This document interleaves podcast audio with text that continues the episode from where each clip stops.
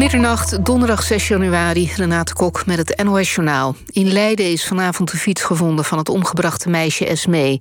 De fiets werd aangetroffen in een portiekflat, zegt de politie op Twitter. De 14-jarige Esmee werd op oudejaarsochtend doodgevonden in een park in Leiden. Na een uitzending van Opsporing Verzocht kwamen er zo'n 100 tips binnen. Veel gingen over de elektrische fiets van Esmee. President Tokayev van Kazachstan heeft hulp ingeroepen van zijn buurlanden om de massaprotesten in zijn land te bedwingen. De premier van Armenië zegt dat die hulp er komt in de vorm van een vredesmacht onder leiding van Rusland. Tokayev zei eerder dat terroristenbendes die in het buitenland zijn getraind het vliegveld bij de stad Almaty in handen hadden. Het Duitse persbureau DPA meldt dat het leger inmiddels de luchthaven heeft ontzet. Afgelopen jaar stegen de prijzen in de winkels harder dan de lonen. Het Centraal Bureau voor de Statistiek meldt op basis van voorlopige cijfers... dat de consumentenprijzen met 2,4% toenamen... vergeleken met 2020. De cao-lonen gingen het afgelopen jaar gemiddeld met 2,1% omhoog. In 2020 was dat flink hoger, namelijk een stijging van 2,9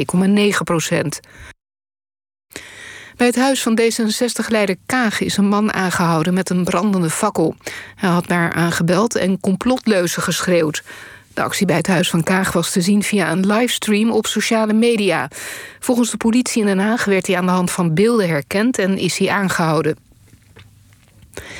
Tennisser Novak Djokovic, de nummer 1 van de wereld, mag Australië niet in. Het is de uitkomst van een urenlang verhoor op het vliegveld van Melbourne.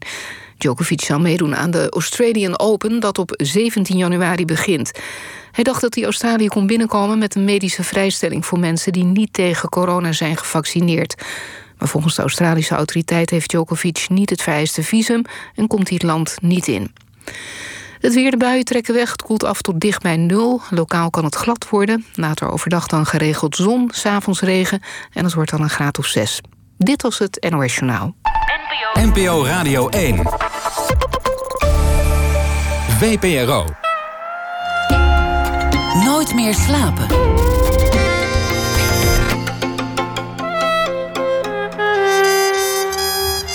Met Pieter van der Wielen. Goedenacht en welkom bij Nooit meer slapen. Een jonge man die met zijn vriendenkring timmert aan een kist... waar hij uiteindelijk zelf in zal komen te liggen timmeren als begin van een verwerkingsproces. Hij heeft kanker en de dokter heeft het opgegeven. Een meisje van 16 dat alles uit haar leven wil halen omdat het haar laatste weken zijn. Ze had graag kinderen gekregen, zei ze. Maar dat zal niet meer gaan. Tim Hofman presenteert een nieuwe reeks van het succesvolle programma Over Mijn Lijk. Over jonge mensen die weten dat ze niet lang meer te leven hebben. Vanavond was de eerste aflevering van de nieuwe reeks te zien. Tim Hofman hoort de verhalen aan. Hij vraagt soms door, weet ook wanneer hij even niets moet zeggen. En het is de tweede keer, dat, of de tweede seizoen, dat hij het programma presenteert. Tim Hofman is televisiemaker, presentator en ook dichter. Hij is bekend onder meer van Boos en heel veel andere programma's. Vaak komt hij verhaal halen. En dan is hij uh, de verontwaardiging zelf. In dit programma zie je een andere kant ook van hem. In 2020 won hij de televisiering voor beste presentator. En hij werd geboren in 1988 te Vlaardingen. Tim, wat leuk dat je er bent. Welkom. Ontzettend gezellig, hallo. Ja. Vertel eens over je geldingsdrang. Laten we het daar eens over hebben. um, ja, die is er wel. Ik denk minder dan vroeger de vraag is of dat komt omdat ik ouder ben geworden of omdat ik uh, meer gepresteerd heb.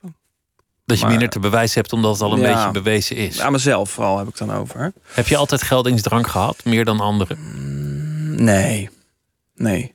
Nee. Iedereen heeft heel veel geldingsdrang in jouw visie. nou, nou nee, nee, dat zeg ik niet. Ehm, ik denk dat, dus ik denk dat mensen, veel mensen in bepaalde mate uh, geldingsdrang hebben. Maar ik heb nou niet uh, dat ik, als ik nu even uitzoom op mijn leven, dat ik denk: oh, ik heb een geldingsdrang voor de wereld. Mensen moeten zien wie ik ben of zo.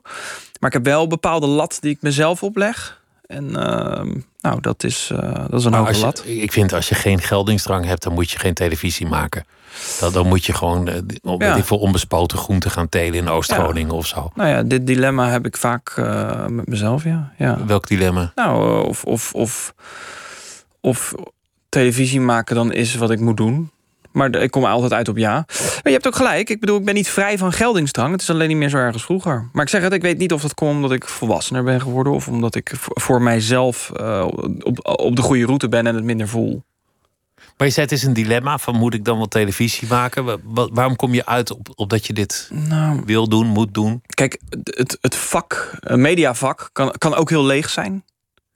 Eh, zo heb ik dat ook geregeld ervaren, weet je. En, en zeker als je in de spotlight staat. eh, ik, ik noem dat wel eens een schouderklop op je glitterjas. Daar, ja, dat, dat doet mij niks. En dan moet je een beetje bedenken of dat aanvulling of invulling in je leven is. Het kan best wel impactvol zijn hoor, in de spotlight staan in a way. En dat, eh, nou, dat, dat is het ook. Im- Impactvol in, in welke zin? Nou ja, god. ehm, ehm, in die zin, heel veel mensen vinden iets van je. Dat kan heel goed of heel niet goed zijn.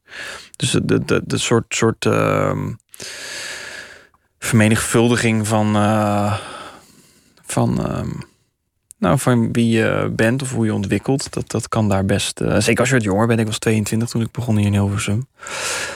Ehm, Dan is dat best intens als je, als je ja, dat, dat, kan het, op- dat kan het wel zijn. Ja, zo'n leeftijd. Ja, dus, dus, maar ik moet zeggen, dus, ik, ik zoek in mijn werk vaak naar hoe, hoe zorg ik dat de invulling van mijn werk de moeite waard is om te doen. Dat het dus niet een. eh, een dat het eh, zinvol is, dat ja, zingeving. nou, ja, nou ja, zingeving. Vind ik een groot woord. Maar dus dan kom je, voor mij kom ik dan vaak uit op programma's als Over Mijn Lijk of Boos of Pak de Macht. Dan denk ik, nou ja, dan heeft dat zijn functie Eh, voor, voor het instituut waar ik voor werk, de NPO, de omroep waar ik voor werk, specifiek Bien en Vara. Wat ik zou willen zien, wat ik zou willen maken. Los Kortom, van de dan ambacht. gaat het ergens over. Daar gaat het ergens over, ja. En, en dat moet je ook niet groter maken dan het is. Ehm, ik red geen levens, maar ehm, eh, ik, ik probeer dat ergens. ehm, Maar bouwvakkers krijgen het vaak aan hun knieën of aan hun rug. En, en presentatoren krijgen het vaak een beetje aan hun ego. Bedoel je dan dat het te groot wordt? Of dat het. Nou, dat ze allerlei stoornissen krijgen. Dat, dat als, als de presentator binnenkomt op een feestje, dat het alleen nog maar over de presentator mag gaan. Omdat anders de presentator op zijn telefoon gaat kijken of het daar wel over hem gaat. Ik denk dat ik die feestjes vermijd. Nee, ja, nee. Kijk, ik kan niet zeggen dat ik dezelfde man ben als elf jaar geleden, maar wie wel. Mm, Maar ik durf wel te zeggen dat het voor mij niet of niet meer leidend is in mijn leven. Dat. Dat. eh, Ik, ik bedoel het niet aanvallend of, Nee, nee, nee, of nee, ik, ik denk even met je mee. Nee hoor, helemaal niet. Deze, nee, nee, nee. Maar ik- Heel mijn ego benieuwd. naar aan gort. Drie vragen. Nee, ik zit even met je mee te denken. Ehm, het zal ongetwijfeld wat doen met mijn ego, ja. Ja, ik hoop dat ik er geen eh, klootzak van word. Laat dat dan het antwoord zijn. Maar dan zou je moeder moeten bellen, is dat zo? Van is je zoon een klootzak? Is die, is die ik een denk, lul denk, geworden? ik denk dat ze al, ik denk dat ik al weet wat ze gaat zeggen. Ja. Maar mijn zoon is helemaal niet zo'n klootzak. Vind jij Maar- een klootzak? Nee, ik vind je geen klootzak. Hoe ervaar jij dat dan als... Als, eh, als, Als radioman, Als radioman. Nou, als je daar een ego aan weet over te houden, dan, dan zal het in den beginnen al niet goed. Natuurlijk. Maar iemand die helemaal vrij van ego is, die ligt de hele dag in bed. Ja, maar niemand is Check vrij van ego. Nee, Ik geloof dat vind ik ook echt totale onzin dat je vrij van ego moet zijn. Nou, dat vind ik ook. En ik Maar geloof zijn ook niet in zuiver momenten dat het- altruïsme. Dat vind dat ik ook een fabel. Nee, maar, maar ik bedoel eigenlijk iets anders. Wat bedoel je dan? Nou, Wees dan eens duidelijk. ja, geldingsdrang bedoel ik. Geldingsdrang dat je, dat je wil scoren, dat je vooraan wil lopen, dat je. Dat je Oh, daar ben ik ook niet vrij van. Nee, nee, nee. Dat, je, dat, dat je Nee. de beste wil zijn, dat je competitief bent, dat Ja. je impact wil hebben, Ja. dat je wil dat iedereen het ziet, dat jouw programma het beter doet dan het andere programma. Ja. Competitief zijn, dat soort dingen. ja hoor. In het, in het centrum willen staan, eigenlijk altijd haantje de voorste. Als, als er gezongen wordt, net iets harder. Nee, dat En- ben ik niet. En liefst voor de tekst uit, Tot, ze weten tot, dat tot je hier, tekst- tot hier eh, Stop. eh, was Zo, het. eh, ja. maar, maar ik ben niet de man op verjaardag die in het midden van de groep moppen staat te vertellen. Dat dan weer niet. Nee. Nee, vind ik vreselijk. Nee, maar ik heb wel. eh, dus ik ben wel competitief. Alles wat je zegt, dat klopt. Maar ik denk dat, dat waar ik me probeer heel bewust van te zijn, is: is dat dan de invulling of de aanvulling van mijn vak? Eh, en is dat een invulling of een aanvulling in, Is de in mijn essentie leven? of, of is de goodie bag? Nou ja, dat eigenlijk. Ja, ja. En ik probeer voor mezelf daar goed de balans in te houden. Dus ik ben echt niet. vi- eh, je noemt het net, televisiering. Nou, ik ga dan echt niet ongezellig naar huis. Eh, als, als er een ring binnen. Dan mag je wel vieren natuurlijk. nee, tuurlijk vier ik dat. Ja, tuurlijk. Dus ik ben daar ook niet vrij van. En, en ik vind het ook leuk en ik vind het ook nog belangrijk. En, maar het is niet de invulling, niet de essentie van mijn vak en ook niet van mijn bestaan. En, Je levensgeluk hangt daar niet vanaf. Ehm, ik moet wel zeggen, in de pandemie misschien iets meer, omdat er gewoon minder is. Het leven is statischer, dus ik Ja, duik dan, dan meer ben je al blij dat je de excuus hebt om de deur uit te komen. Ja. Anders dan een pak melk. Ja, maar um, ik, eh, ik blijf waakzaam voor het bijvoorbeeld kunnen genieten van het leggen van een las in de montage. Als ik dat, weet je wel, uh, of. of uh, Als het gewoon mooi wordt. Ja. Het ambacht. Het ambacht, ja. Maar wanneer, wanneer wist je dat je tv wilde maken? Wat was het, het moment dat je dacht, daar moet ik mij op richten?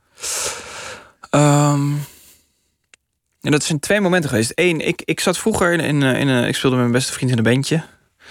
En uh, de, de, ik vond, hij, hij, ziet het anders, maar ik vond het geen goed bandje, uh, achteraf gezien. Um, maar we speelden wel veel. En op een gegeven moment speelden we in Den Haag. Wij kwamen uit Vlaardingen. En toen speelden we daar. En toen zei de hoofdredacteur van 3 voor 12 Den Haag... die zei, ik vind het een leuke band. Maar die praatjes van jou tussendoor, die vind ik, die vind ik echt leuk. En toen zei hij... Het is eigenlijk leuker als jullie niet spelen... Ja, en, en ja. als die, die, die ene jongen iets vertelt. Feitelijk zei hij dat. Ja. Zei hij, weet je wat je komt doen? We hebben Club 3 voor 12 Den Haag. Um, en dat is dan, god, wat was dat? één keer per maand of zo op een vrijdagavond. Kom dat presenteren. Praat jij het aan elkaar.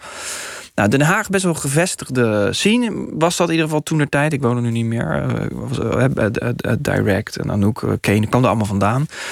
En ik kwam daar een beetje als buitenbeentje en ik zette de boel een beetje op stelte. Nou, dat viel daar goed. Dus binnen no time stond ik daar echt op, wat had je toen? Koningennacht, plein open en zo. Heel groot publiek. Stond ik dat te doen de popprijzen daar uitreiken en zo. En ik vond het allemaal hartstikke leuk. En, en toen op een gegeven moment.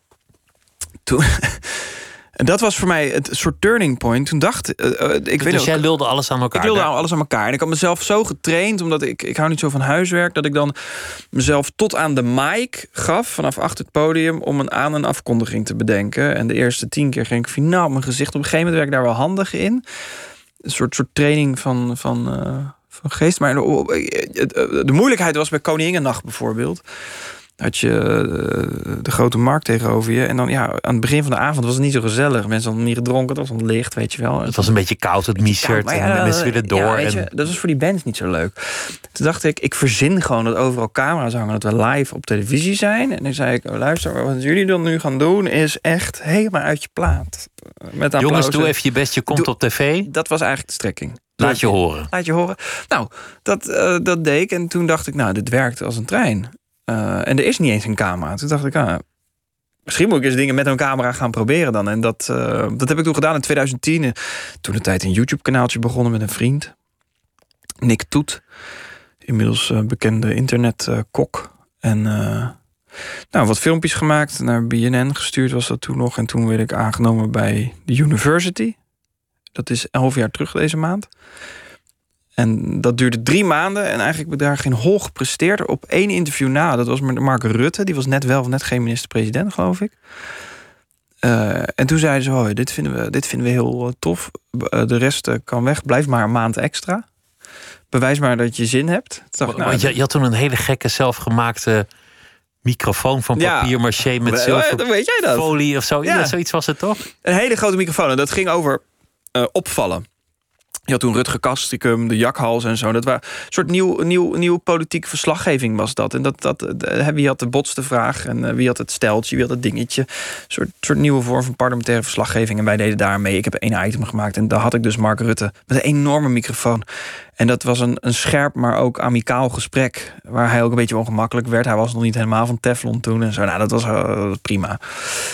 En dat viel bij BNN, hadden ze dat nog niet. Toen zeiden ze, nou, dit willen we wel. En uh, nou, vanaf daar eigenlijk, ik heb toen na een paar maanden, ik studeerde nog een studie opgezegd. Toen dacht ik, laten we dit maar gewoon gaan doen. En, dit wordt het. Dit wordt het, ja. Maar, maar wat, je, wat jou dreef om het te gaan doen was zoveel impact kan je hebben als je een camera op iets richt. Ik, ja, ik had, ik, had dat, ik had het toen helemaal nog niet zo. Weet je, het was ook gewoon uh, kikken, uh, filmpjes maken, weet je wel. En uh, ik had dat nog niet helemaal uitgekristalliseerd. Maar dat kwam op een gegeven moment vrij snel wel hoor. Want ik moest vrij snel keuzes maken wat ik wilde doen. Omdat het best wel in, in een snelvaart ging. Want na een jaar werd ik bijvoorbeeld gevraagd voor spuiten en slikken. Dat heb ik ook nog in het verleden gemaakt. En ik gebruikte helemaal geen drugs. En ik was best wel preuts toen. En uh, ik zei, ja, dat is allemaal leuk en aardig. Maar ja, ik heb nog nooit drugs gebruikt. Ik ga dat ook niet voor jullie doen. Zei ja, ze, heb, je, heb je daar dan wel de goede aan? Ja, toen zei ze, nou, dan krijg je de baan niet. Toen zei ik, nou, dat is goed. Dan ga ik weg. En toen ben ik, toen ben ik god, volgens mij belde toen wat andere Poont had je toen en geen stel. En de jakhalzen, kom eens praten, weet je wel, bij de handverslaggever. Toen zei BNN, oh, wacht even. Wat zou je dan willen doen? En toen hebben we bij Spuitenslik een soort nieuw ding geïntroduceerd. We hadden het hele wietbeleid in tien weken legden we uit. En dan hadden we een wietplantage. En we hebben later nog eens een petitie en het eerste burgerinitiatief uh, bij BNN, geloof ik. Uh, uh, gestart en gekregen. Ik kreeg spreektijd voor de Kamer over drugsbeleid en zo. Het was eigenlijk een soort nieuwe route die we ingingen. Dus ik moest daar wel snel vrij snelle, harde keuzes in maken. In wat, wat wil ik nou en waarom wil ik dat? En ik belandde op die route omdat dat het meest uh, logische voelde. Ergens wel verwant aan, aan uh, Poont of Geen Stel en Rutger Kastricum. In, in de zin dat, dat, dat je ook wel elementen van die guerrilla-journalistiek gebruikt. Alleen bij jou zit er een, een andere politieke richting achter. Allereerst, ik, schat hem iets rechtser in dan, dan jou. Als het gaat om Rutger Kastrikum. Ja, ik, keek daar toen een tijd veel naar. Ja, maar ik kwam er ook heel snel achter. Volgens mij twee filmpjes dat ik dacht, oh, ik, ben, ik ben wel wat zachter, zeg maar. Uh, dan, maar ook wel overtuigd. Af en toe ben je gewoon een activist. Ik heb soms de indruk dat je je persoonlijk Geef echt verontwaardigt. Ja. Nou, onlangs, dat, dat deed best veel stof opwaaien. Toen had je een gesprek met Siewert en zijn uh, compagnon. Daar, daar waren heel veel mensen natuurlijk boos over, over die miljoenen. En veel mensen wilden weten hoe dat zat. Ja, maar ik had niet het idee dat ik bozer was dan de kijker of zo. Het enige is dat ik. Hoe boos was je precies en, en hoe boos was de kijker? We krijgen dan heel veel mails, ga ze achter Siewert aan. En dan is dat voor ons. Kijk, we hebben met boos specifiek, daar gaat het nu over. In millennial doelgroep, hele grote doelgroep. Um, en, en, en soms hebben we daar een verhaal over influencers of oplichters. En soms maken we dat iets politieker of soms wat moeilijker onderwerpen. Dus nu hebben we twee, twee afleveringen gemaakt over, over dat ding. En dat was ook een kans om dat eens bij een ander publiek neer te leggen. Helemaal uit te leggen. Hoe werkt dat nou? De rol van VWS. Met, met grappige animaties. Met ja, een, van Siewert en dat soort dingen. Met de chronologie. Ja. Met het hele verhaal. Maar is er dan ook uiteindelijk bij jou verontwaardiging? Ja, is dat een drijfveer? Ik ben niet zoveel verontwaardigd. Dat lijkt misschien zo, maar uiteindelijk met Boos maken wij alleen verhalen die de kijker wil. zijn wel verhalen waar ik meer bij voel. En dan voel je dat ook als het over artikel 6 in de grondwet gaat. Hè, religie in de grondwet. En uh, daar, hebben we een verhaal over gemaakt vorig jaar met een dominee en een homoseksuele jongen. Nou ja, dan, dan merk ik uh, dat, dat, uh, dat het me echt aangaat. En dat heb ik bij, dat heb ik bij veel meer onderwerpen ook wel. Um, maar het is niet dat ik de hele dag verontwaardig. Nou, nou, poe, poe. Nee. Schande, ik ga verhaal halen. Zo, nee. zo is het helemaal soms, niet. Soms voel ik dat wel. En soms. Misschien is het ook bijna een default setting, denk ik. Nou ja, wij, wij, wij kijken veel en ik ook naar, naar machtsverhoudingen. Dus dan is het ook helemaal niet zo gek wat we doen, denk ik. Uh, dus dan inderdaad, dan, uh, ja, dan, dan wacht je mensen met macht op. Of je belt eens thuis aan. Of je zegt, jij wil nooit praten, maar, uh, maar wel met ons. ja, dat eigenlijk. Dus de, de, de, de manier van maken is soms best radicaal zoals we dat doen. Maar ik... Iemand opwachten op de parkeerplaats of, ja, uh, hoor. Ja. Of bij een bedrijfspand of uh, ja. voor en dat, zijn deur. En dat doen we. En daar zijn we ook wat meer in gaan rangschikken. Weet je, vroeger deden we dat bij iedereen. Op een gegeven moment ga je, is dat dan wel the way to go. Het publiek wordt steeds groter. Uh, wij worden wat, wat bekender. De impact wordt wat groter. Dus dan ga je dat heel erg meten aan, aan macht en machtsverhoudingen. Zo doen we dat eigenlijk. Dat, dat, dat, uh, um, wie, wie, wie pakken we dan uh, en zetten we voor een camera en wie, uh, wie niet. Wie blurren we, wie niet, weet je wel. Um, en dat is vaak, het moet niet om laagtrappen worden, weet je wel. Inmiddels hebben we ook. Oh, want jullie zijn ook een soort machtsfactor geworden. Dus Daarom, dat, wij zijn dat ook een, een andere soort, sfeer. Nou ja, wij zijn, nou ja, feitelijk wel natuurlijk. Wij kunnen best. Dat zag je aan het kinderpardon. Als we ons echt moe maken, een paar maanden, dan, uh, dan kan het opeens zo zijn dat de regering uh, wankelt. Of, of dat, er, dat er een doorbraak komt in een regeerakkoord, weet je wel. En ik denk, voor ons voelt dat zo. En dat spreek ik ook namens mijn uh, team, het team waar ik binnen werk. En dat geldt ook voor Pakte Macht. Dat we dus wel afwegingen maken. Ik zeg niet dat we het altijd goed doen hoor. We zullen er ongetwijfeld naast zitten en nog steeds dingen leren. Maar dat we daar wel bewust mee bezig zijn. Dat kinderpardon pardon is natuurlijk wel een voorbeeld dat je iets teweeg kunt brengen. Ja. Dat ineens iets dat eigenlijk al heel lang speelde, waar, waar iedereen best vanaf ja. wist, ja. op de agenda komt.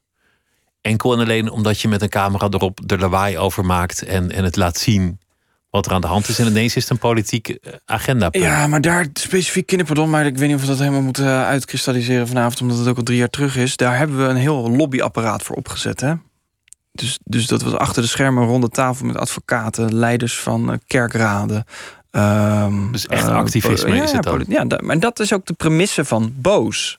Er is een probleem, wij lossen dat op. Is dat vijftientjes bij de Vodafone halen, is dat het? Is het een fraudeur waar je nog geld van krijgt, is dat het? Word je naar Irak gesodemieterd en ben je negen jaar... dan gaan we dat voor je proberen te regelen. En dat is, dat, dat, dat is inherent aan dat programma wat we maken. Dus de vraag komt vanuit het publiek en, en je gaat zo ver als het verhaal het nodig maakt. Feitelijk wel. Dus het is niet, het, het- niet of zelden dat wij zelf op de redactie zitten en denken: Nou, die pakken we eens, weet je wel. Ehm, Maar een, een al te relativerende houding in het leven zou het op tv volgens mij ook gewoon niet zo heel goed doen. Als je bij elk probleem denkt, nou ja, er zitten vast twee kanten aan en in het licht der eeuw is dat nog niet zo belangrijk. Dat wordt gewoon niet hele leuke televisie. nou, dat is ook niet helemaal waar. Misschien ben je dan gewoon niet zo'n goede maker. Maar ehm, Hoewel Maarten van Rossum het trouwens weer fantastisch doet op Toch? tv. Ja, dus, ja, dus deze stelling die nee. kan eigenlijk ook weer in, ja, vind ik eigenlijk ook. in de prullenbak. Ja, ja je moet het goed maken. Ja, dat, dat is het. Je, je moet voor, voor het programma wa- waar we het nu over hebben, over mijn lijk, moet je, moet je geen hypochonder zijn. Nee, Als je, als je enigszins hypochondrisch bent aangelegd, dan is dit niet je programma. ja, ben ik. Echt waar? Ontzettende geschiedenis mee. Ja, Dus, dus bij iedereen die, die zegt van, was goh ik, ja, moet ik zeggen. het begon in mijn zij, dan, dan grijp jij meteen ook een beetje naar je, naar je zij. Nee, nu niet meer. Maar ik heb daar ontzettend last van gehad. Hoe ver ging dat? Nou, eh, zover dat je denkt dat het kan gaan. Dat is nachten googelen. En helemaal ziek ervan worden. En, En als je googelt en, en lang genoeg doorgoogelt, ben je altijd Eh, ja, joh, dan heb je iedere hoofdpijn in zijn hersentumor. Dus dat, dat, eh, ik heb het allemaal gehad. Ik weet ook serieus best veel daarover, omdat ik alles Omdat je gelezen elke ziekte hebt. Ik zweer het je. En dan heb ik het echt over, nou, 2007, 8, 9, 10. Dat heeft drie jaar geduurd. Ontzettend depressief doorgeworden ook. Dat gaat uiteindelijk ergens anders was je, over. was je 19 of zoiets? ja, ja, ja, Maar waar, ja. waar gaat het over? Wat, wat is hypochondrie? Het is een, een hypochondrie is bang voor ziektes zijn en dat gaat uiteindelijk vaak, in ieder geval bij mij toen, om een hang naar controle. De vraag is waarom wil je dat? Ehm, volgens mij, ehm, nou dat is een lang gesprek, maar ik heb daar ontzettend last van gehad. En eh, nog af en toe speelt het ook nog wel eens op. Ik zeg het nu echt, eh, ben ik eh, heel steady. Anders kon ik dit ook niet maken.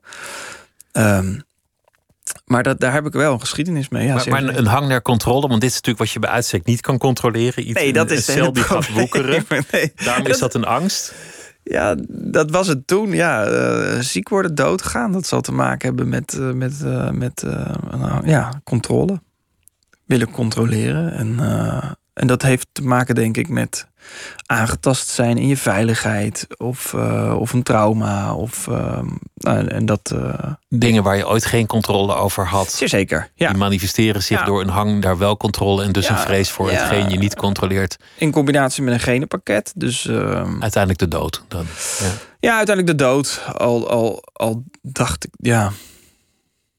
Het is een nare cirkel om in te raken, moet ik zeggen.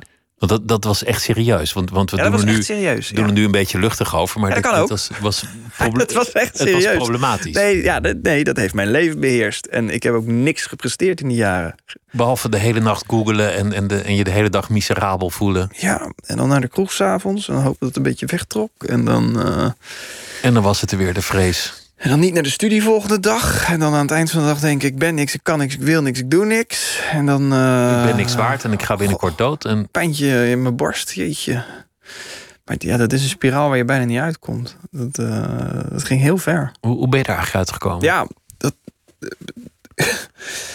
op, op een gegeven een punt in 2010 dacht ik, nu wil ik gewoon niet meer. Ik, ik niet, wil niet meer wat, niet meer googelen, niet meer leven. Nee, niet meer leven. Ik, Oh ik gewoon wanhoop voelen. Toen was ik zo ver in mezelf verdwenen. Toen heb ik een aantal hele radicale eh, beslissingen genomen in mijn leven. Omdat ik dacht, ja, er zit ergens nog wel een licht. Er zit een hoop tot willen voelen. Ik voelde ook niks meer, joh. En eh, toen heb ik eerst drie uur met mijn hoofd in een kussen gelegen en gedacht, nu moet ik maar eens gaan voelen wat ik eigenlijk voel. En dat was echt eh, dat was, eh, vreselijk. En toen vanaf daar ben ik eigenlijk. En het ging echt van: oké, kleine stapjes. Ik moet weer eens eh, wat meer praten met mensen. En ik moet eh, proberen de straat op te gaan zonder een paniekaanval te krijgen. En als ik hem krijg, moet ik hem laten gebeuren. Nou, dat, dat, soort, dat soort stappen zijn dat. En ehm, misschien moet ik eens naar een psycholoog gaan. En waar word ik eigenlijk niet zo blij van in mijn bestaan? En dat ging echt van stoppen met studeren op een gegeven moment en verhuizen naar een andere stad. Mensen uit mijn leven gedag zeggen. ehm, ik ga daar verder niet zo over zeggen, maar ik was verloofd en een bruiloft afzeggen. En allemaal dat soort grote, grote stappen nemen. En uit het net waar ik niet in wilde zitten komen. Een, een heel nieuw leven beginnen. Heel nieuw leven. En, en, en constant die rand van je eigen angsten opzoeken. En, en ik heb een soort- nou ja, wat is het, een mantra bijna toen ontwikkeld. Wat, nu niet meer zo top of mind is, want nu is het gewoon mijn gedragscode voor mezelf. Maar dat ik geen beslissingen meer zou nemen op basis van angst. Dus ik dacht, ik ben hier bang voor, ga ik het maar wel doen. En dat God ook voor televisie gaan maken. En stoppen met studeren. En dat zijn hele kleine dingen. Weet je wel, dat is ook een. Maar, maar vrees mag je nooit weerhouden. Nee, maar dat ging vooral ook over, over voelen en menselijke interactie. En joh, het is echt. Uh, en dat mantra is nog aanwezig in je leven. Dat, dat, moet je nog steeds tegen jezelf. Nee, dat hoef ik niet zo vaak meer te zeggen. Nee, maar het is, het is wel nog steeds waar ik naar leef. Want je, je loopt nu naar iemand toe met een draaiende camera, niet wetend wat er gaat gebeuren. Met aan de ene kant uh, een paar honderdduizend kijkers die potentieel boos kunnen zijn. En aan de andere kant iemand die ook niet blij is dat je er bent. En het, het is nee, dat zijn continu dat soort, uh, dat soort grenzen. Ik weet nog heel goed de eerste keer dat ik uh, op politici in de Tweede Kamer af ging stappen. En dat was elke keer hetzelfde mechanisme. eerste keer dat ik uit een vliegtuig sprong. eerste keer dat ik ging duiken. Ik zeg niet dat het zonder hort of stoot is gegaan. Dat gaat het nog steeds. Maar ik probeer er altijd over, overheen te stappen. En dat, dat vindt zijn oorsprong daar echt. En is er een risico dat de depressie terugkeert? Of altijd, ja, ja, maar dat geeft niet. Dan, dan, dan is die er weer. Dan is die er. Dat, uh, en hoe meer ik daartegen verzet, hoe langer die duurt. Dus dan is het gewoon hello darkness, my old friend. Ja. En dan het uitzitten tot het weer voorbij is. Ja, uitzitten, goed voor mezelf zorgen. Het eigenlijk ruimte bieden aan... Het is ook een stuk van mij, weet je wel. En, uh... Kleeft daar een soort diagnose aan? Ben je, ben je dan manisch of zo? Of, of, eh? nee, ik ben niet manisch, zeker niet. Wat, wat, wat dan? Of, of weet je het niet? Nee, ik heb gewoon. Er is een stuk in mijn bedrading wat een soort neerslachtigheid. Uh, en echte depressie, dat niet meer willen bestaan en, en uitzichtloos en niks meer. De, zoals ik dat ervaren heb, dat, dat heb ik niet meer, joh. Um, en als dat komt, komt dat. Maar ik, ik, ik zit. Uh, ik, ik heb wel. Weet je, ik, ik had. Uh, ik, ik heb wel moeilijke periodes, gewoon zoals een mens dat heeft. Uh, en dat kan aangewakkerd worden door rouw of bijvoorbeeld door een pandemie. En het statische leven daarin, dat sluit helemaal niet aan op wie ik ben. En dan denk ik, nou ja, weet je wel, wel vooruit. En, uh, dus ik heb, ik heb dat hartstikke goed onder controle. Maar. Uh, het kan zich zomaar openbaren. Niet, ja, het is niet manisch. Het is gewoon. Uh, het is een combinatie van, van, van nurture en nature factoren die soms uitmondt in in dat. Nou ja, ja ik maar, maar dan, dan ben je eigenlijk de laatst geschikte persoon op aarde om, om over mijn lijk te presenteren. Hoezo? Omdat het me een ontzettend intens programma lijkt met mensen die. die ja, heb je de indruk dat het niet goed gaat? Nee, ik, ik, ik, moet je zeggen dat je het, dat je het echt. Nee, meen ik dat, dat het heel goed gaat. En dat, ik, ik vind het een heel mooi programma. En ik, ik, vond, ik heb de eerste aflevering van deze reeks gezien en dat was echt prachtig. Dus, dus daar gaat het niet over. Maar ik denk alleen, hoe, hoe komt die jongen thuis als die. Ja, nou ja, niet altijd heeft voor depressie. Want het is natuurlijk echt zware kost dit. En, ja. dat, en dat meerdere mensen. Ja, ik weet niet of aanleg voor. Ja, misschien ja. Kijk, over mijn lijkt is een programma wat, wat gaat over zingevingskwestie ook. Hè, leven de ultieme zin, uh, zingeving. Dat is, dat is de essentie. Hè. Wat, is wat, wat doe je als je nog maar een paar weken hebt? Is eigenlijk het op scherp stellen van de vraag die het hele leven afspeelt. En dat is, dat is niet alleen de vraag, maar er gaan ook daadwerkelijk mensen overlijden. En, uh, dus dat klopt ook wel. Um, maar dat, dat kan je goed inbedden in een bestaan. Dat moet je denk ik wel willen. Uh, ik wil dat. En, en dat betekent dus ook andere dingen niet doen. En ik heb daar best wel protocol uh, voor. Uh, ik maakte voorheen nog een reisprogramma erbij, weet je wel. Dat, dat, dat, programma met jetlags combineren, dat kan niet. Um, Want je moet scherp zijn, je moet er wel ja, echt Ja, maar niet alleen voor mezelf, maar ook voor die mensen, weet je wel. Dus dat... Um... In die zin staat er ook veel op het spel. Het is, het is iemands ja, laatste monument ja. op televisie ja. voordat hij gaat. En die weet niet precies wanneer, maar het duurt niet heel lang meer. Nee, dat. En, en, maar dat is het televisieaspect. Maar ook gewoon nog intermenselijk. Als jij nu zegt, uh, ik heb nog drie maanden... en dan zeg ik, nou is goed, maar ik zit vanaf nu eerste rang. Dus dat betekent dat je een kist uit gaat zoeken, ben ik daarbij. En als je uh, afscheid gaat nemen van je vrienden op je laatste verjaardag... ben ik daarbij. Op je sterfbed ben ik daarbij. Als je nog in het huwelijk treedt, ben ik erbij. Ben ik erbij, uit een gesprek ja. aan de keukentafel. Zit ik ook naast. Dan moet je een bepaalde vertrouwensband ontwikkelen. Ik spreid een bed, jij gaat daarin liggen om te praten, zeg maar. En, en, um, en wat ik bied is een luisterend oor en een, en een vraag waar, waar, waar je hopelijk misschien zelf niet komt, of die iemand anders niet durft te stellen, of gewoon die, die je uh, ergens leidt waardoor je kan praten en het grote publiek je begrijpt, weet je wel. Nou, dat heeft allerlei functies en taken, maar um, daar moet ik wel fit voor zijn. Dat ben ik jou dan wel verschuldigd. Dat vind, dat vind ik wel echt. En, uh... Je kan daar niet met een jetlag aankomen nee, natuurlijk. Nee, dat is ook, nog nooit gebeurd. Maar ik, nee, maar dat, zou ook niet kunnen natuurlijk. Dat kan niet, joh. En zeker, en dat is, dat is één. En daarnaast gaan er dus ook geregeld mensen dood. En ja, god, de angst van iemand die gaat sterven en kanker heeft... dat is ook iets wat je toch opzuigt. Ik ga daar niet half in of half gesloten in, weet je wel. Dat, dat moet je gewoon wel het first doen, vind ik. Um, nou goed, dus dat, dat, dat, dat, dat, dat, dat, dat kost iets. En dat is oké, maar dat heeft verder weinig te maken met hoe mijn bedrading of zo is. Ik heb, ben, daar, ben daar nooit heel erg tegen aangelopen daardoor. Wel door wat het programma is. Dat ik eh, na het eerste jaar echt even moest slikken en dacht: oh, wat gebeurt hier? De, de dood is, is, heftig. De dood is op één. En dat is nu drieënhalf jaar zo inmiddels. Alom present in mijn bestaan. En uh, ik verloor van het voorjaar een goede vriend en mijn mentor, Gerke Nauta. En uh, dat is dan iets wat parallel loopt met dat programma maken, weet je wel. Um, dan, en dan heb je dus al een soort alom aanwezige dood die er is. En dan komt dat ernaast. En dan merk ik wel dat ik dat goed voor moet geven hoor. Dat, uh...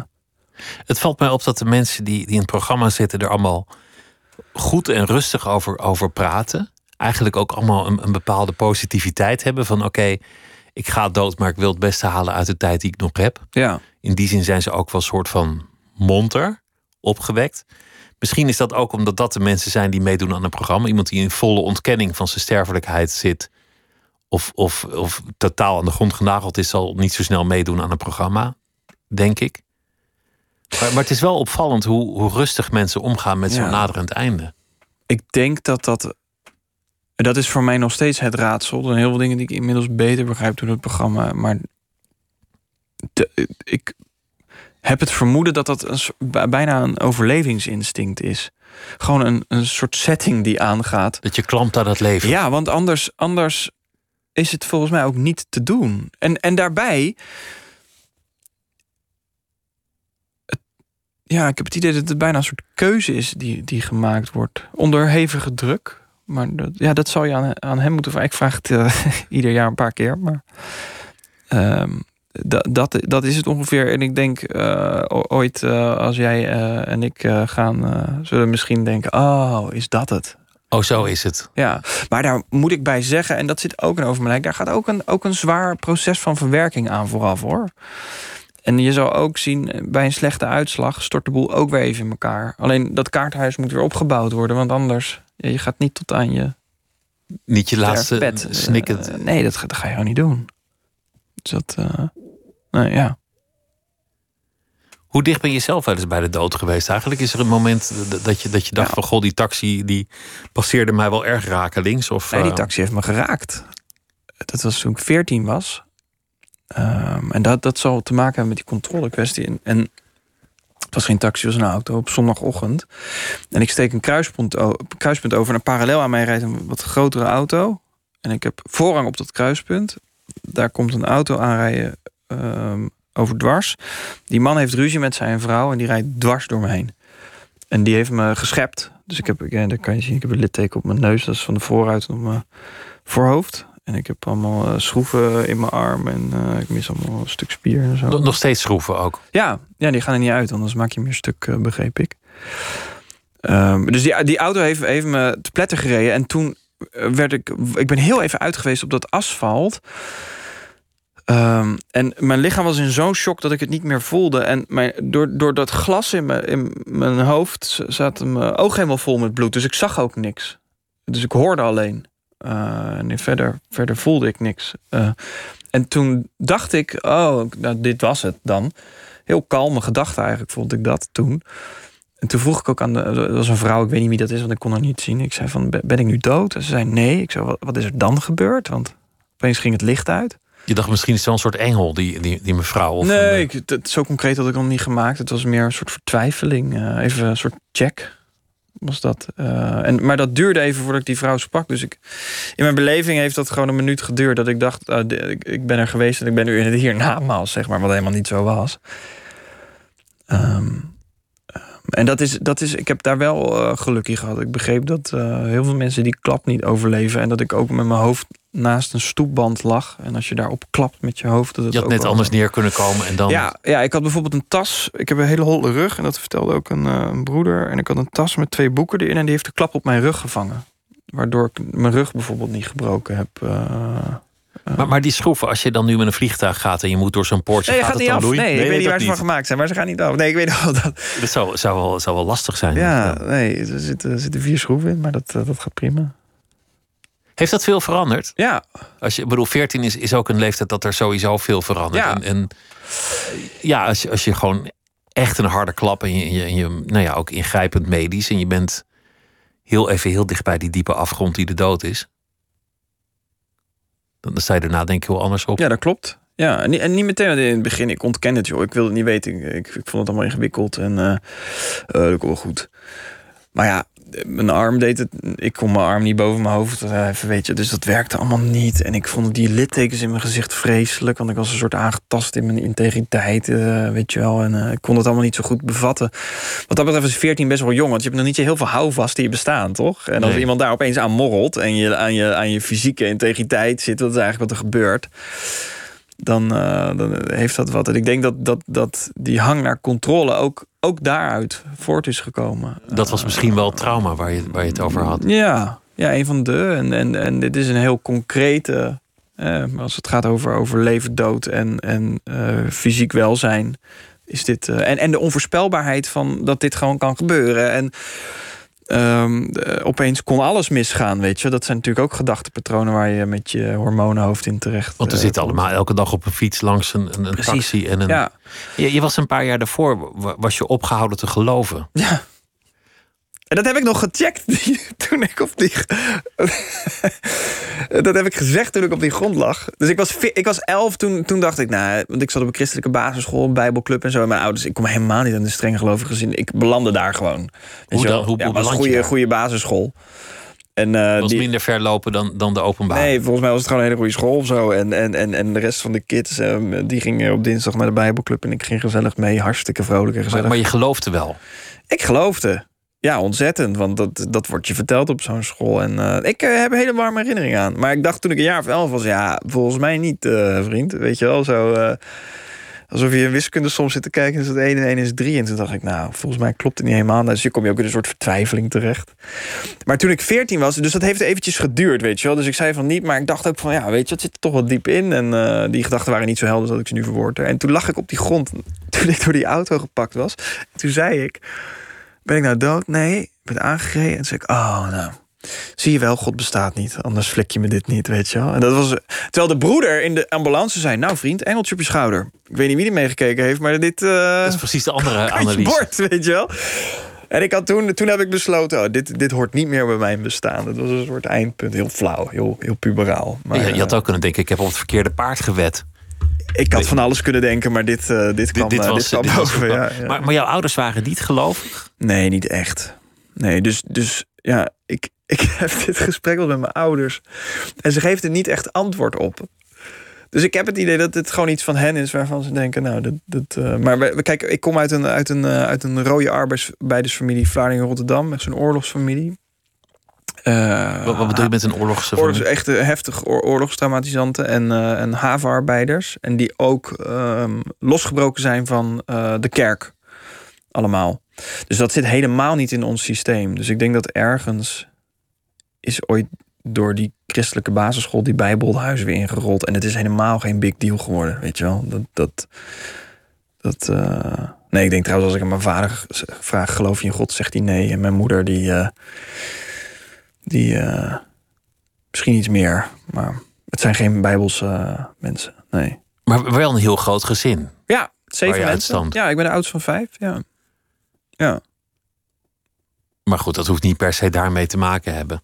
Oh, zo? Nee, nee, nee, nee. maar vaak, vaak is dat wel zo dat, dat er meer. Uh, ja, nee, zeker. Nee, God, dat was niet zo. families wat meer voortplanten. Nee, joh. Nee, dat was gewoon uh, mijn vader die dat ontzettend. Uh, en mijn moeder overigens ook. Volgens mij wilde mijn vader eigenlijk zeven. Dat werden er vijf. Hoe, zou je eigenlijk je, je opvoeding typeren? Ben je, ben je heel geëngageerd opgevoed? Nee. Nee, ook niet onverschillig. 538 luisteren. Nou, dat is, dat is ik weet niet. Ja, is niet Gewoon, heel- eh, daar bedoel ik mee, gewoon de, de, gem- wat je toen als gemiddeld Nederland zag, zeg maar. eh. ik associeer 538 niet met heel veel engagement per definitie. Nee, dat zeg ik. Dus niet Ja. geëngageerd. Ook niet onverschillig, maar niet geëngageerd. Ehm, dus ik, ik, ik was wel bewust van de wereld. Het was niet dat het dan daar nooit over ging. Maar wat je nu in mij ziet, is niet iets wat, wat ik per se... Wat, wat daaruit komt. Nee, nee, nee. Wat, wat voor waarde, wat was thuis belangrijk bij je ouders? Wat, wat wilden ze aan jou meegeven? Of wat hebben ze aan je meegegeven? Ehm, nou, heel veel. Ik denk dat. ehm, eh, eh, als ik nu twee dingen. Dat is een bepaalde onvoorwaardelijkheid. Dat heeft mijn moeder me altijd geleerd. Dus met je familie, ben- je bent onvoorwaardelijk voor elkaar. Ik werd er overigens niet mee eens.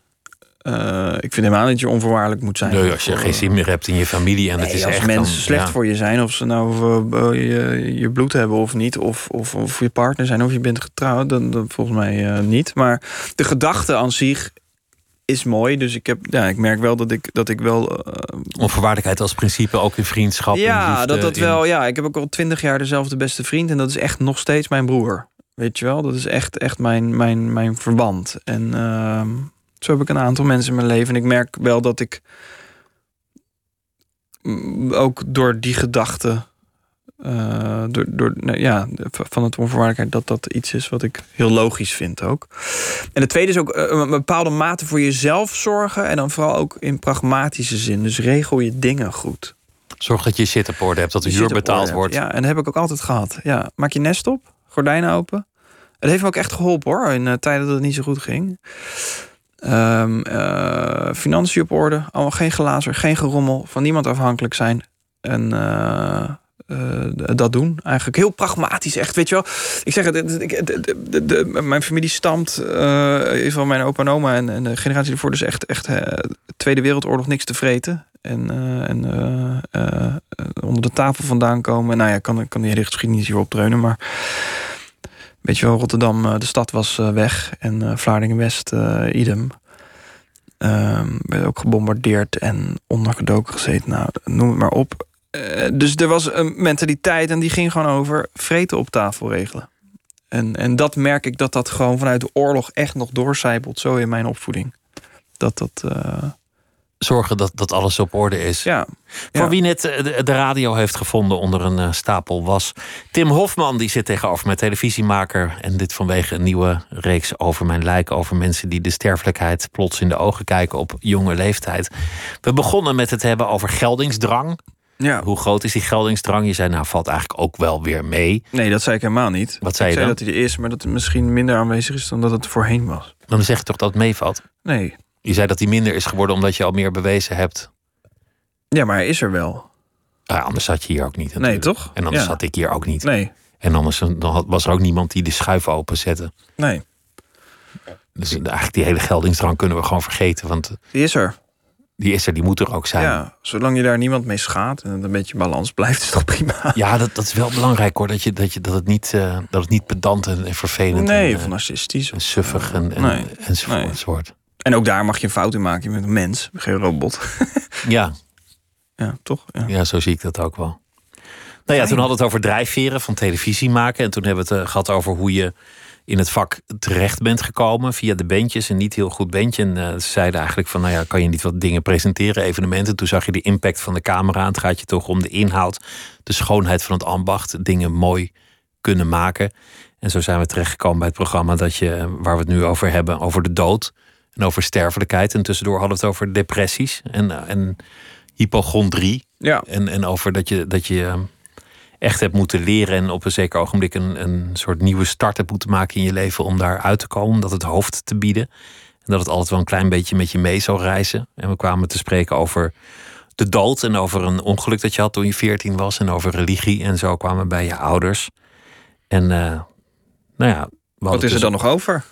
nou, we, we hadden het op een gegeven moment over, over de televisiering. En toen zei je, dan vier ik het ook wel. Ja. Dan vind ik het ook wel leuk om dat te doen. Eh, Het, het jaar daarvoor liep je, het- zag ik je daar lopen. Eh, Bij de wc ook nog zoiets. Dat was, ook, Was jij daar? Ja, ik, wat moest jij daar nou? Ja, wat, ja, Dat vroeg ik me de hele avond ook een beetje af. Ik, maar goed, ik, ik vraag Ik jou voor deze show... zou je nog eens tv willen maken? Zeg je, nee, nee, vind ik niet leuk. Wat, moet- wat moet jij nou bij televisie ging? nee, ik was er gewoon als, als genodigde Ja, ja, eh, voor de borrel. oké. En maar toen moest ik weg, want toen moest ik hier weer naartoe. Maar toen zag ik jou lopen op, op pumps Ja. in, in, een, in een broekpak. Mhm. En, eh, en dat, dat, vond, dat ja, vond ik eigenlijk ook wel weer moedig. Dat, dat je daar dan zo rondloopt. Ik vond het vooral mooi. Ik dacht, ik ga er gewoon voor. Want, je, want jij dacht, dit, dit wil ik aan, hier voel ik me Ja. lekker in. Dit is mijn, mijn favoriete ik, outfit. Ik, ik, ik, ik- luisteraar ziet het niet, maar ik, ik heb ook oorbellen en ik draag geregeld nagellak. En eh, ja, ik dacht dat is mooi. En ik ben niet iemand, ik, ik kleed me vrij sober, maar ik vind het ook wel bij gelegenheden leuk om een beetje uit te dossen. En ik, nou ja, dan vind ik, dan, ik dacht toen, ik ga gewoon, eh, iedereen dacht ook, oh, statement. Ik dacht, ja, ik ga gewoon op hak. Ik had ook een jumpsuit aan. Ik had ook niet een jurk aan, dus het was allemaal niet zo heel eh, heftig. Maar ja. Nee, heftig is het ook eigenlijk Nee, helemaal niet. nee. Maar het, het was opvallend. Ja, En toen, toen, toen vroeg ik me ook af, is dit, is dit een statement? Of is dit een... eh, Mm, Maar ja. het is gewoon wat je, wat je mooi vindt. Ik vond het, ja, ik vond echt dat ik er goed uitzag. Ja, Dan zal ik je dat niet afnemen. ja mag je ook wel doen, maar. Nee, ja, wie ben ik om... Eh, nee, nee, nee, ja, dus ja, nou, ja. ehm, ja. Heb je nog een vraag daarover? Ja, of, of, dat je eigenlijk interesseert het, het, eh, het, het mannelijkheid versus vrouwelijkheid en het, eh, hoe noem je dat tegenwoordig, non-binaire. Ja, dat zijn drie verschillende dingen. Mannelijkheid, En vrouwelijkheid? één, vrouwelijkheid, twee, en dan non-binair is geen van beide. Of, of ergens halverwege. Of, eh, Ja, ja, non-binair. ja, dus niet, niet gepolariseerd, als het ware. Ja, dus geen man, geen vrouw. Ja, Ja. en, en, en jij bent een, een man die er niet voor schuwt om dingen die normaal als vrouwelijk worden gezien ook. Ja, eh, ik geloof daar dus al niet zo in wat, in ieder geval wat mannelijk en of vrouwelijk zou moeten zijn. Eh, of dat nou gaat over emotioneel vlak, of over hoe je, hoe je eruit ziet, of hoe je je gedraagt, of wat je wensen zijn. Ik vind dat, ik vind dat Ik vind het eigenlijk allemaal gewoon een beetje gezamenlijk. ja, ja, een beetje wel, ja. Ja, dat merk ik echt. Ik, ik, eh, eh, heel veel mensen vinden dat ook heel moeilijk. Als je dit zegt, dan denken mensen gelijk... oh, nu moet mijn zoon in een jurk naar school. Maar Dat is natuurlijk helemaal niet aan de hand. Maar in ieder geval voor mijzelf. Ik heb me daar ook altijd... dat, dat ervaar ik al vanaf mijn twaalfde of dertiende of zo... altijd eh, oncomfortabel bij gevoel. Wat een man moet zijn. En dit moet je voelen. En zo moet je je gedragen. Dacht, ja... Nou ja, ik weet je wel. Maar, maar wat je net vertelt over Vlaardingen, dat klinkt dan weer wel als een binair milieu als je ja, het dat zo is moet het doen. ook. Ja, maar Nederland is ook gewoon een binair land. Zijn niet alle landen binair? Ja, dat denk ik wel, ja. Ja, Ja, denk ook. denk ook. Ja, hoewel die normen dan weer verschillen. Je hebt dan Nee, wel. Als je- in ja, India dan pakt een andere man je bij de hand. Ja, bijvoorbeeld. En lopen mannen hand in hand. Maar dat heeft, dat- heeft te maken met geaardheid, eh, volgens mij, wat je nu bedoelt of niet. Nee, nee, gewoon, gewoon hetero mannen die zeggen... oh, kan je me de weg wijzen? En dan, dan, dan eh, Ja. voor je het weet heb je iemands hand in je hand. En Ja. die zegt van, eh, loop Heeft dat te maken mee. met mannelijke vrouwelijkheid, denk je? Nou ja, hier, hier wordt dat meteen als een, als een soort gebaar gezien. Ja, aangaande geaardheid. Ja, ja, dan, Ja, maar dat is- Nee, dat nu is snap- echt wel ja, wat anders, Dat is een amoureus gebaar. Want, Ja, maar geaardheid is weer wat anders. Dat heeft, dat heeft weer weinig te maken met, met, met, Met mannelijkheid en gender en geslacht. Ja, helemaal niks eigenlijk. Maar wat zijn de dingen in mannelijkheid, traditionele mannelijkheid, waar jij je niet bij thuis voelt? Nou, ontzettende eh, eh, masculiniteit eh, die, die zich dan uit in, in seksisme of, of bepaald gedrag wat je als man zou moeten. hè, dit, hoe je met gevoel om moet gaan, of dit is hoe je eruit moet zien. Ik, ik, ik zou niet weten waarom ik geen nagellak mag dragen of make-up of, of, of oorbellen. Nou, oorbellen is natuurlijk best wel gangbaar, maar ook dat hoor ik nog geregeld. Ehm, Tegelijk heb je ook tato's en een, en een En ik ga naar de sportschool, weet je. Ik sta op mijn roze sokken en mijn nagellak sta ik ook 200 kilo te tillen in de gym, hoor. Dus dat, maar ik snap niet waarom dat niet te combineren zou te kunnen combineren zijn. zou zijn. Of waarom eh, eh, een vrouw niet exact dezelfde dingen zou kunnen doen. Of iemand die non-binair is. Dus het hele... eh, ik snap het verschil in geslacht. En tot zekere hoogte ook. Hè. Eh, en daar gaan nu eh, mensen waarschijnlijk dingen van vinden. En iets over zeggen. En ook experts die het beter weten dan ik. Maar ehm, een zekere mate ho- ho- hormonen, nou, et cetera, et cetera. Maar eh, het, het hele idee van wat mannelijkheid en vrouwelijkheid is... dat, ja, dat zegt mij gewoon niet zoveel. Ik denk eerder dat ik eruit zie zoals ik eruit zie nu... Hè, met een spijkerbroek en een t-shirt en een pet op... dat dat is zodat ik niet zo opval. Dat vind ik gewoon niet zo prettig. Dat klinkt vreemd, want ik kom Voor iemand die op tv is, Op tv ja. dat begrijp ik. Eh, dan dat ik het echt super vind. Dit doe je gewoon aan om gezeik te vermijden. En als, als het helemaal jou is, dan heb je een broek Ja, om gewoon en, niet, en, niet, en niet, niet op te vallen, zeg maar. Ehm, ehm, ik, ja. Ik denk dat ik vaker een rok zou willen dragen, omdat het ook lekker zit. Kijk, bij, bij bijvoorbeeld, ik ben natuurlijk ook publiek figuur. Nou ja, bij zo'n televisiegala zal het allemaal wel. Maar bij Over Mijn Lijk moet ik natuurlijk wel zorgen dat het niet over mij gaat. Ik vind het al het is vrij ingewikkeld dat ik armen met tattoos heb, weet je wel. Dat kan best afleiden voor, voor best veel mensen nog. En uiteindelijk praat ik dan met mensen die zeggen... nou, ik ga sterven en dit is hoe dat eruit ziet. Moet je niet altijd denken, ja, Tim staat daar in een rok op hakken. Eh, weet je wel, dat, eh, dat, eh, dat is dat podium Ja, dat is, als jij in een glitterjurk zou komen, zou dat afleiden van Ja, dat denk ik wel. Dat idee heb ik. Misschien eh, corrigeer me vooral als het eh, te conservatief bedacht is. Maar ehm, ik probeer daar in ieder geval eh, dat van me af te draaien over mijn lijk. En, ehm, maar ja, ik zeg het. Ik zou. Maar ik ben wel met je eens dat, dat mannelijkheid en vrouwelijkheid wat, wat ruimer en intelligenter beoordeeld zou mogen Ja. worden. Want ik associeer het vaak ook wel met sportkantines of, of, nou, dat. Het of is dienstplicht. of van de mannen bier. eh. En vrouwen moeten altijd gezellig zijn. Hè? Vrouwen, als vrouwen eh, iets vinden eh, en, en, of een stem verheffen, zijn ze hysterisch. En bij mannen is dat mannelijk. En als seksualiteit is natuurlijk bij uitstek ehm, ehm, een goede graadmeter over hoe we seksualiteit bij mannen en bij vrouwen benaderen. Dus way different. Terwijl dat heel vreemd is dat we het eh, dat we een, een, een vrouw vies of een slet of, of, of goedkoop vinden als die gewoon zin heeft in veel seks met veel mensen. En, en bij een man is En bij het man is dat stoer en een, eh, prestatie. Nou, dit is, dit is het eh, de jaren zestig voorbeeld. Maar dat, dat, dat, dat gaat heel veel vlakken over. Als het gaat over seksualiteit en, en, reproductie. bij vrouwen en mannen is daar gewoon een groot verschil in maatschappelijke tendens. En wat de consensus is hoe dat zou moeten zijn.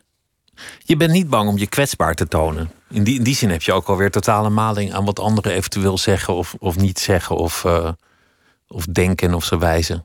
Nou, ik ben daar, ik ben daar niet zo. Kan, kan het wel voelen, maar dan kom ik denk ik weer terug waar we net waren. Het hoeft, het maakt, het hoeft geen leidraad te zijn voor mij. Het mag je niet weerhouden van doen wat je wil doen. Maar dat doet het niet. ja. Ehm, ehm, het wordt ingewikkelder als ik ergens zelf niet achter sta, veel kritiek krijg en eigenlijk moet beamen, ja, dat heb ik gewoon niet goed gedaan. Of dat was niet goed. Of ik zit gewoon mis, weet je wel. En inmiddels vind ik ook dat ik dat, ik dat als mens moet kunnen pareren. Als publiek persoon, ook met publiek persoon met redelijke invloed. Dan, eh, eh, er zit gewoon een machtsfactor. Hè. Ik ben een, een, een, een Jij hebt een hetero camera, man jij hebt die met- kakers. Ja, opgeleid. Ik ben gezond en ik heb een camera, een groot publiek. Nou, ik mag leiden dat iemand de poot onder me da- vandaan zaagt als ik het verkeerd doe, weet je wel. En, en het, eh, of, eh, als ik iets zeg wat eh, dom is. Of Maar als je overtuigd bent en je staat erachter en iemand zegt: Ik vind het stom, ik vind het belachelijk, ik vind helemaal niks, dan, dan is dat niet erg, want je bent overtuigd. dan kun je een praatje over hebben, ja of niet. Ja. Ja. Je, toen, je- jouw, vriendin heeft een hele mooie film gemaakt, een paar jaar geleden. Ja. En daarin had ze het ook over eh, jullie seksleven. Het was, het was haar film, maar ze sprak ook over, over jullie slaapkamer. En wat Ja. daar allemaal gebeurt en wel- welke moeite ze daar eh, mee heeft. Dat, dat haar, haar lust dan niet eh, op peil was of, of, of minder werd. Dat, dat Die maakt was jou... wel pijl. Het was alleen anders dan mijn pijl en anders dan een gemiddeld pijl. Ja.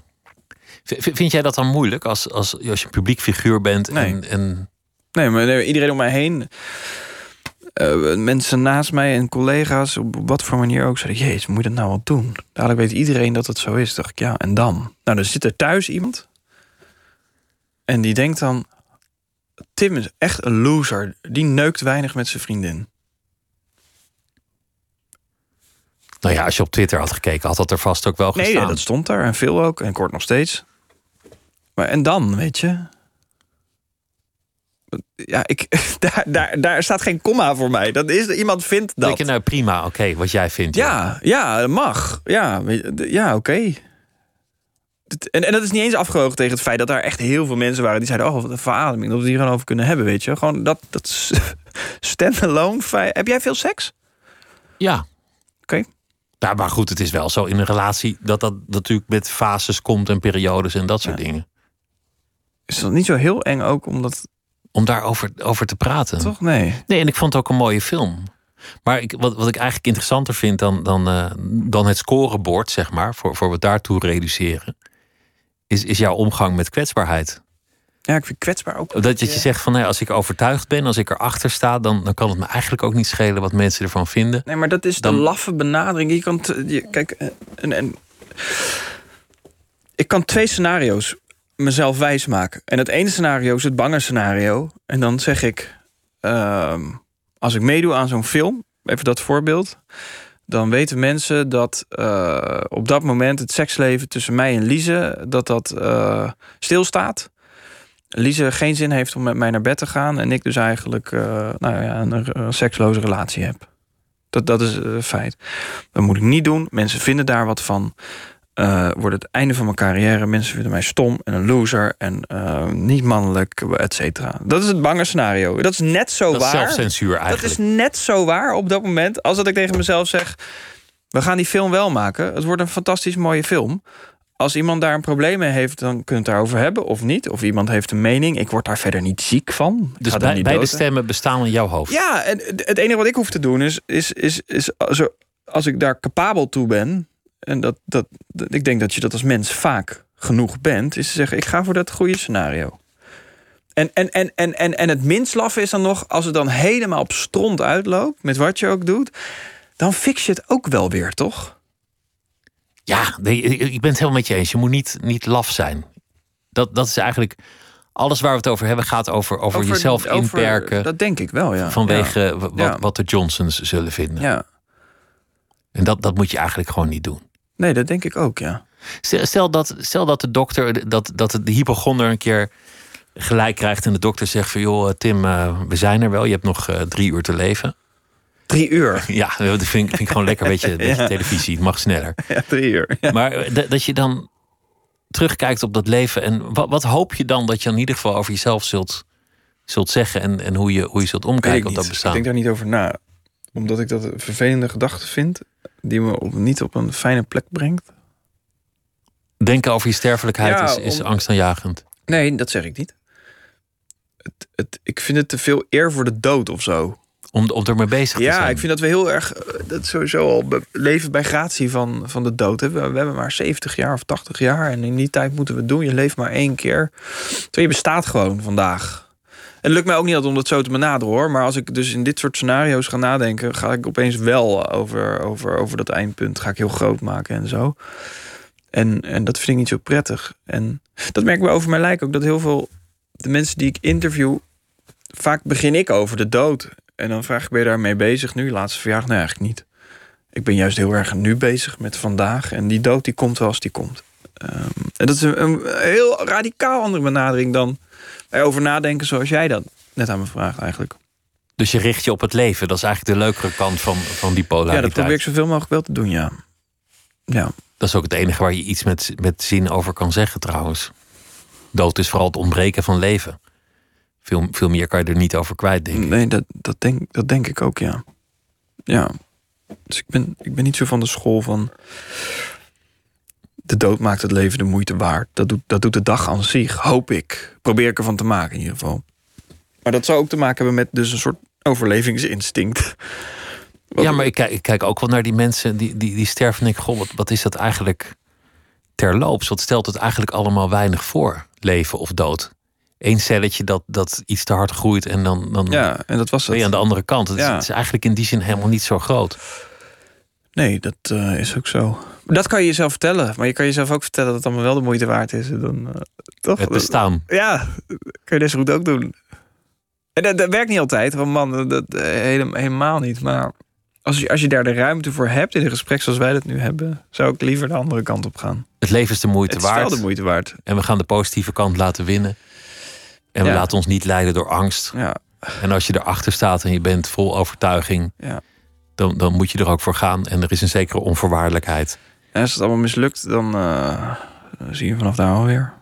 Komt het ook wel weer goed. Ja. En ertussen tussen ook zorgen dat gewoon eh, de kachel het doet en eh, het dak niet lekt. Ja, zoals ze in de familie zouden zeggen, vreet op tafel. En vreten op tafel. Was leuk je te ontvangen. Ik wens je heel veel succes met alles wat gaat gebeuren in de komende tijd in 2022. Klinkt ook zo futuristisch. Ik heb, ik heb science fiction films gezien die, die tien jaar geleden speelden. Ja. En dat, dat werd dan als een soort glorieuze toekomst afgeschilderd. Heel futuristisch. Vind je dat we het doen?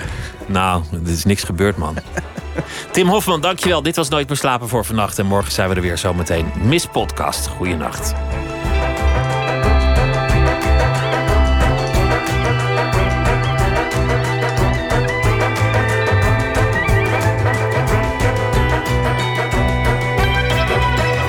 NPO Radio 1. Wie luistert, weet meer.